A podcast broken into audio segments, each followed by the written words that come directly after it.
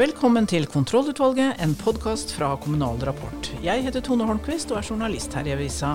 Og med meg denne sesongen har jeg Agnar Korbe, jeg er politisk redaktør her i Kommunal Rapport.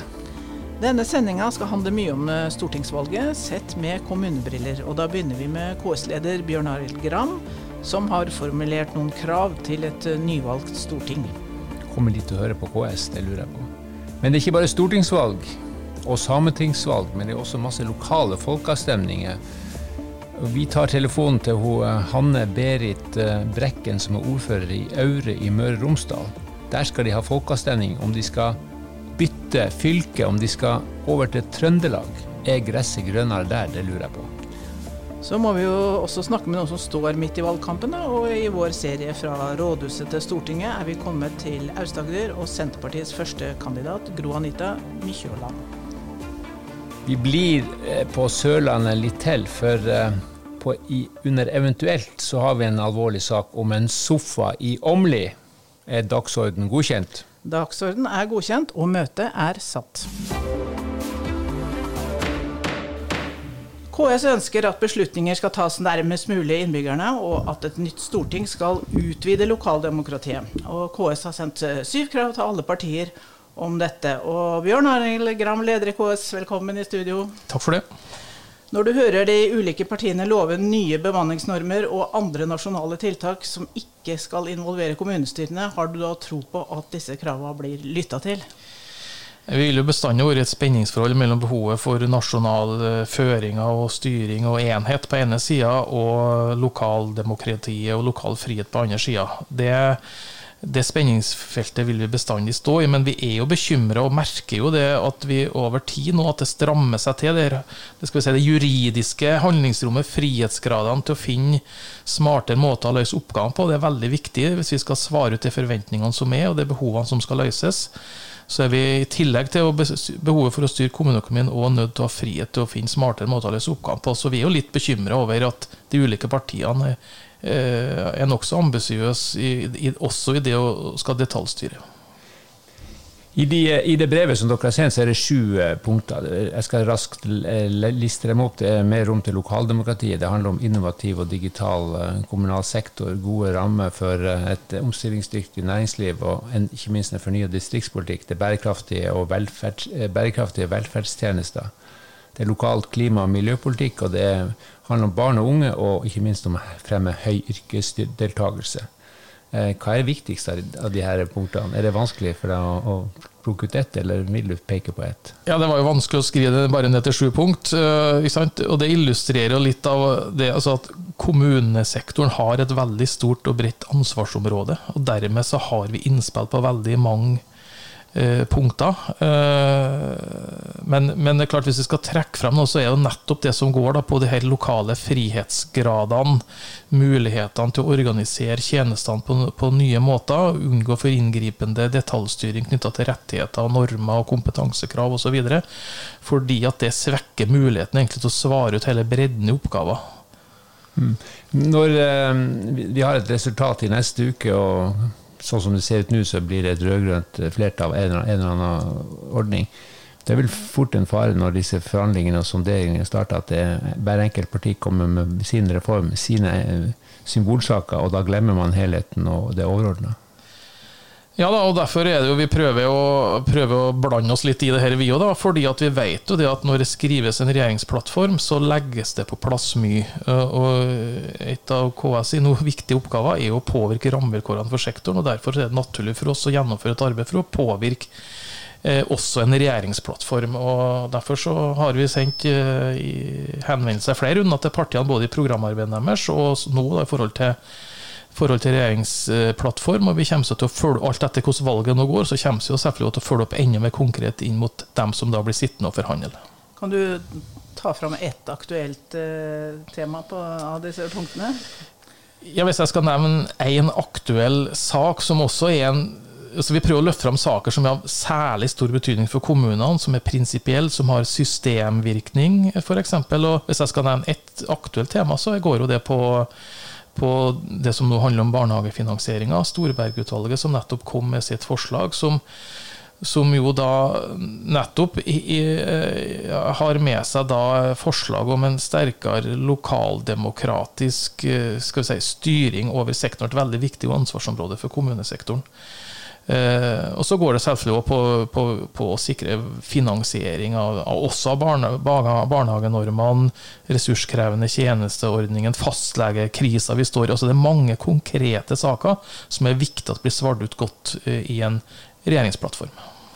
Ok, Da tror jeg vi får ønske lokaldemokratiet et godt valg, og så håper vi at det overlever alle nasjonale ambisjoner. Eh, takk til deg, Bjørn Arild Gram.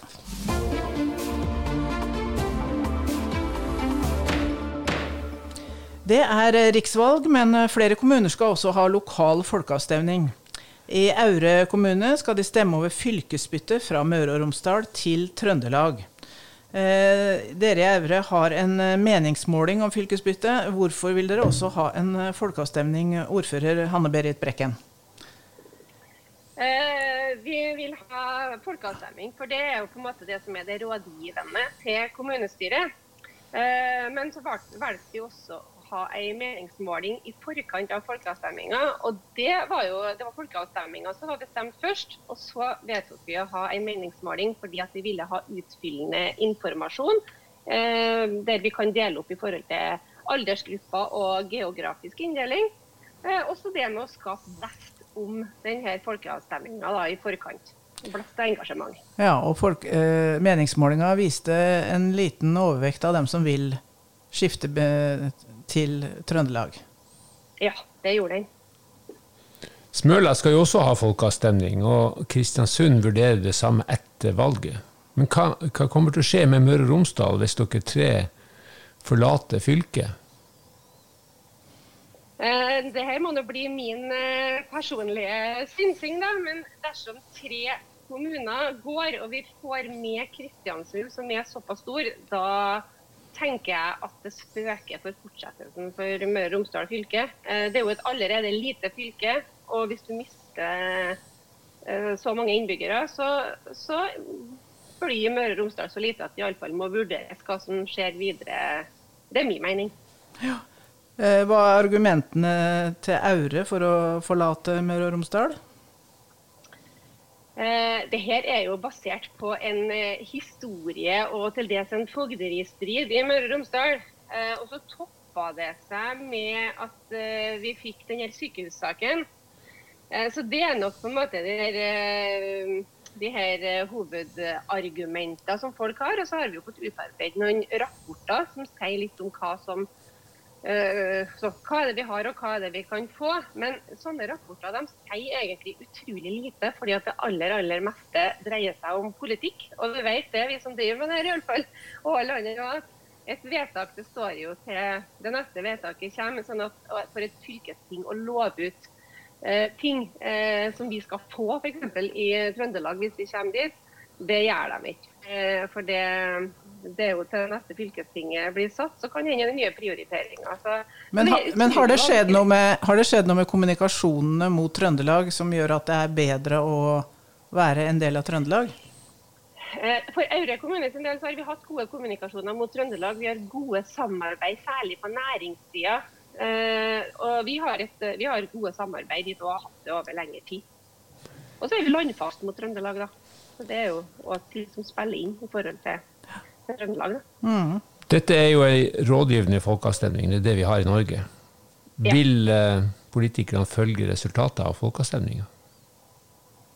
Det er som du sier, eh, festa i loven at det er rådgivende. Så her må vi jo se hvordan, hvordan tallene ser ut etter valgdagen. og Det er vi veldig enige om i kommunestyret. at vi skal se hva folket sier, og så må vi vurdere de prosenttallene vi får etterpå. Men hva mener du om spørsmålet? Hva kommer du til å stemme? Eh, det er heldigvis et hemmelig valg, da. Jeg har sittet som leder av denne nemnda som skulle ha fått i oppdrag å lagt fram denne rapporten. Og fått i oppdrag å være nøytral og legge fram fakta. Så, men det jeg vil si om det, er at det er utrolig vanskelig. For det finnes argument i begge retninger. Og nå er det vi som, vi som politikere har bedt folket om å gi oss et råd, og da skal de få lov til å gjøre det. Og så skal jeg gjøre meg opp en mening om hva jeg gjør med det rådet etterpå. Nettopp. Da får vi håpe at uh, folkeavstemninga gir en uh, avklaring. Og så sier vi takk til deg, ordfører Brekken i Aure.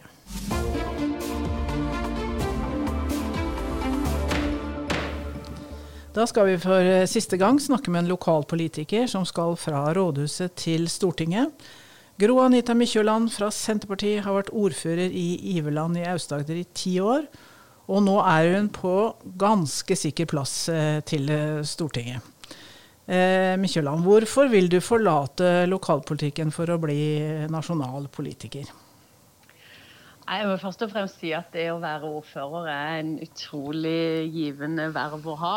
Så, eh, så det er jo ikke med lett, lett hjerte man, man gjør det. men men det handler nok litt om eh, altså Både det å få nye utfordringer, men òg det med ser en jo som ordfører at eh, de nasjonale føringene og den nasjonale politikken som føres, har veldig mye å bety for hvilke handlingsrom en har lokalt.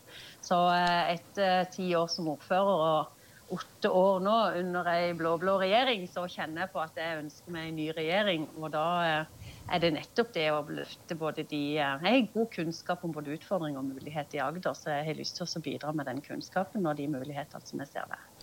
Du vet at dette går på lufta til Kommune-Norge, så de kommer til å ringe deg absolutt hele tida for å si at husk, du har vært ordfører, du må huske på oss. Ja, og det kan jo være at en kommer til å møte seg sjøl i ei svingdør innimellom, men sånn er det faktisk. Ja. Du prøvde å komme deg inn for fire år siden også. Hva er det som eh, gjør at du kommer til å lykkes i år?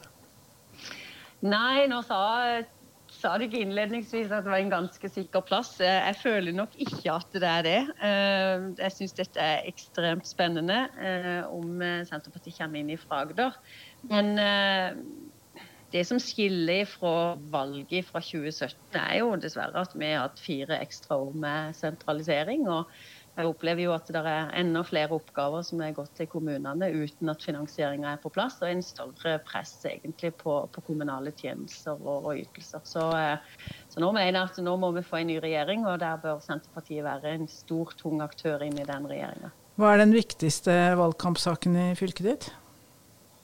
Jeg tror jeg må si eh, det må være levekårsutfordringene som vi har her på Agder. Det er jo noe som en har har jobba for og å jobbe med som ordfører i Iveland, og så, som altså, regionalt på Agder. og da det er jo ikke en enkel sak å løse, og da handler det om flere ting. Det handler om eh, bredbåndskapasiteten rundt alle innbyggerne. Det handler om å skape nye arbeidsplasser, og da er jo infrastruktur en viktig andel. Og så er det klart det Eh, det å sørge for at tjenester eh, blir levert til innbyggerne uavhengig av hvor de bor, eh, det er jo en viktig sak for Senterpartiet.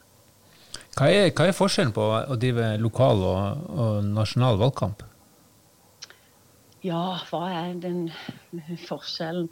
Jeg må nok si at når en går valgkamp lokalt, så så er det mye større fokus på hva en vil framover, enn eh, hva som er blitt gjort.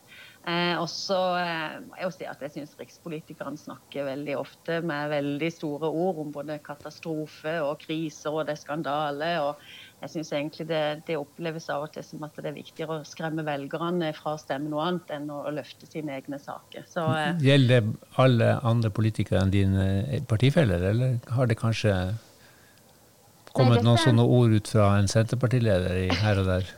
Ja, nei, dette tror jeg er litt sånn uh, generelt på, uh, på, de fleste, på, de fleste, partiene. Men jeg opplever jo at Senterpartiet er opptatt av å fortelle hva de ønsker å gjøre. Uh, men det er jo helt klart at når de sitter i opposisjon i åtte år, så er det klart at en er opptatt av hva vi ville ha gjort annerledes. Ja, det er lov. Det er selvfølgelig lov. Ja. Men hvordan driver dere valgkamp i koronakrisa? Er det som før? Ja, nå har jo heldigvis høsten eh, nå i år blitt eh, ganske som før. Eh, men det er klart det har vært ifra, ifra valgkamputvalget og rundt, så har en jo hatt mer fokus på sosiale medier. Men, men heldigvis så har vi i høst kunnet vært ute og møte både folk og, og næringsliv. Så jeg opplever jo at litt mer fokus på smittevernhensyn, det er der. Men, men vi har heldigvis mulighet til både å stå på stand og, og ute og gå debatter. Hvis, vi, hvis, du kommer inn og vi ringer deg om eh, ca. fire år, hva er den viktigste reformen du kommer til å trekke fram? Dette fikk jeg til. Jeg eh, syns det har vært eh, mye reformer de siste åtte årene. Eh, så jeg tror nok eh, det, som, det, som, jeg tror blir viktig, er å sørge for at noen av disse reformene har jo ikke nådd sin målsetning. Og da tror jeg egentlig det handler om å faktisk være med og legge til rette for at en, en kan nå de intensjonene som kanskje har vært med noen av reformene, men som, som dessverre ikke er blitt nådd. Så det, det, tror jeg blir viktig. Og så tror jeg en av de, de tingene som vi må gjennomføre, og som, eh, som iallfall Senterpartiet er opptatt av, det er jo i forhold til sykehusene og foretaksmodellen som, eh, som vi vil ha bort. Eh, der tror jeg vi må gjøre en jobb i forhold til hvordan vi skal finansiere sykehusene framover. Og så blir det òg viktig å tenke på matprodusentene våre i dette landet. Ja, nettopp. Gro Anita Mykjåland, vi ønsker deg lykke til med innspurten på valgkampen. Takk for at du ble med her hos oss. Tusen takk for det, og eh, så får vi si godt valg.